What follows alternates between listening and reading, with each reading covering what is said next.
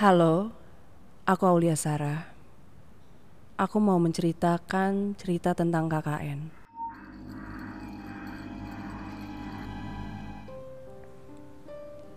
Halo, ini cerita saya dan teman-teman saat KKN.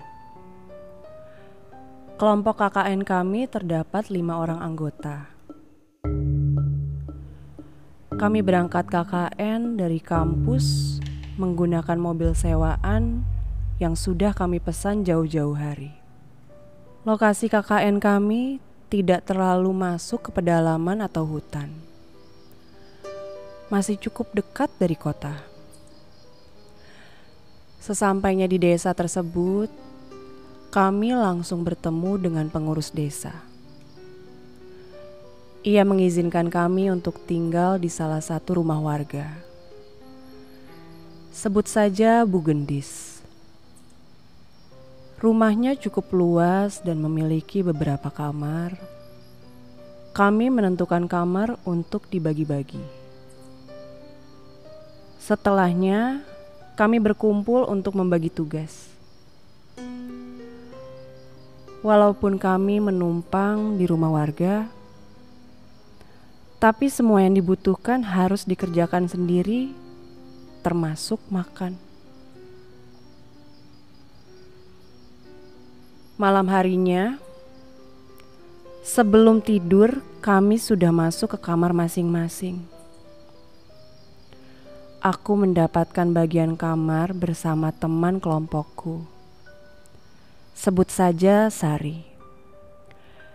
Karena sudah hampir larut dan juga lelah akibat perjalanan, kuputuskan untuk tidur terlebih dahulu. Tengah malam, aku terbangun dari tidur karena mendengar suara orang menangis. Ternyata temanku Sari sedang menangis. Ia bilang alasan menangis karena ibunya baru saja menelpon dan mengatakan hal yang membuatnya haru. Tiba-tiba pintu kamar diketuk dari luar. Ternyata Bu Gendis yang datang dan ia membuka pintu. Saat melihat kami, Bu Gendis hanya berkata, "Kebangun ya, Nduk. Sudah, sudah. Tidur lagi." Kemudian ia pergi. Pagi harinya, kami sudah siap untuk menjalankan proker KKN. Kami bersama-sama berjalan menuju lokasi, membawa bekal makan siang untuk kami nantinya, karena lokasi cukup jauh dari rumah singgah. Sesampainya di lokasi, kami fokus mengerjakan proker hingga makan siang tiba. Kami berkumpul untuk makan siang dan ditutup dengan foto-foto bersama sebagai kenang-kenangan. Beberapa hari terlewati. Proker kami berjalan baik-baik saja. Sudah sekitar dua minggu, kami berada di desa ini. Namun, Beberapa hari belakangan ini, aku selalu merasa ada yang mondar-mandir di depan kamarku. Dan kadang aku mendengar suara orang tertawa lalu menangis. Saat ku tanya pada Sari,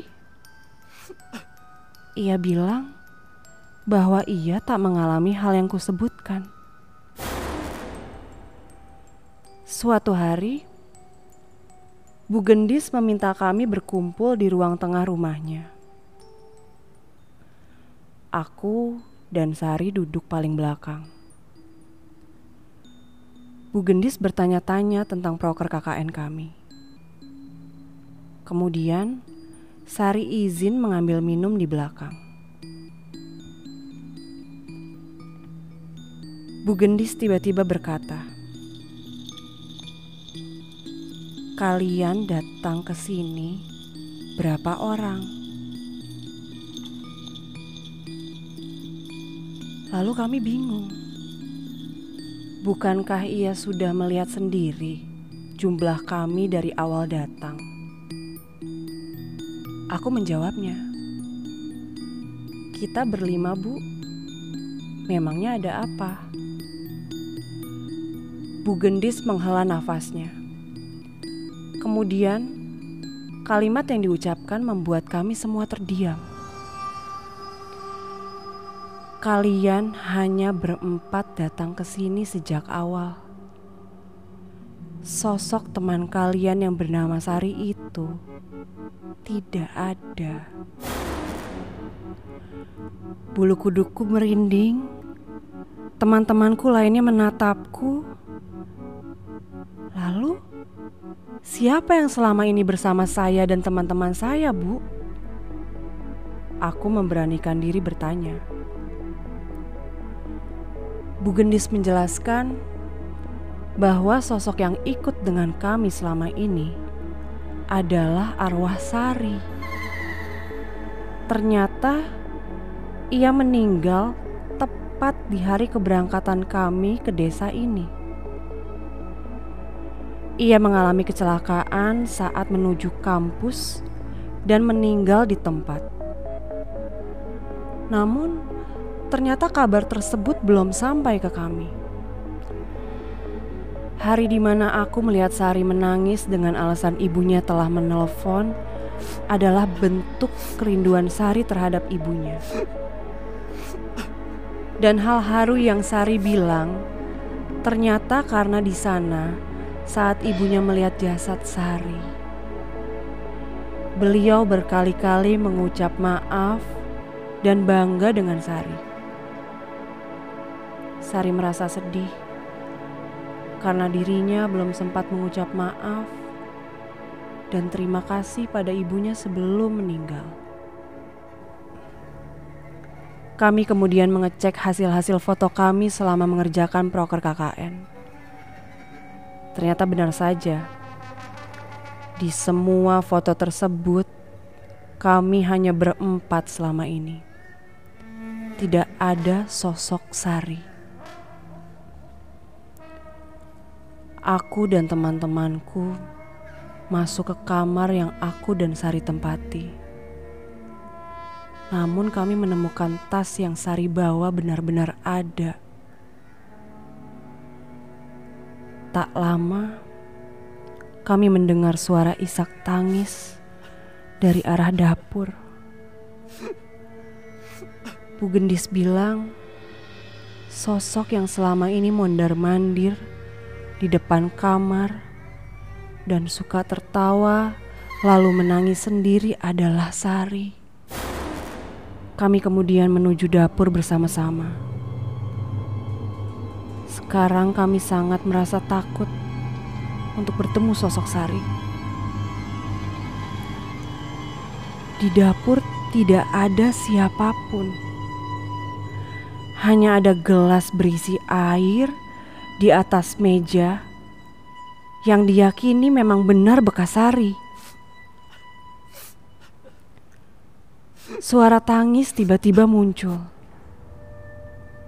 Kami semua merinding namun Bu Gendis berusaha berbicara dengan Sari bahwa tak seharusnya ia seperti ini.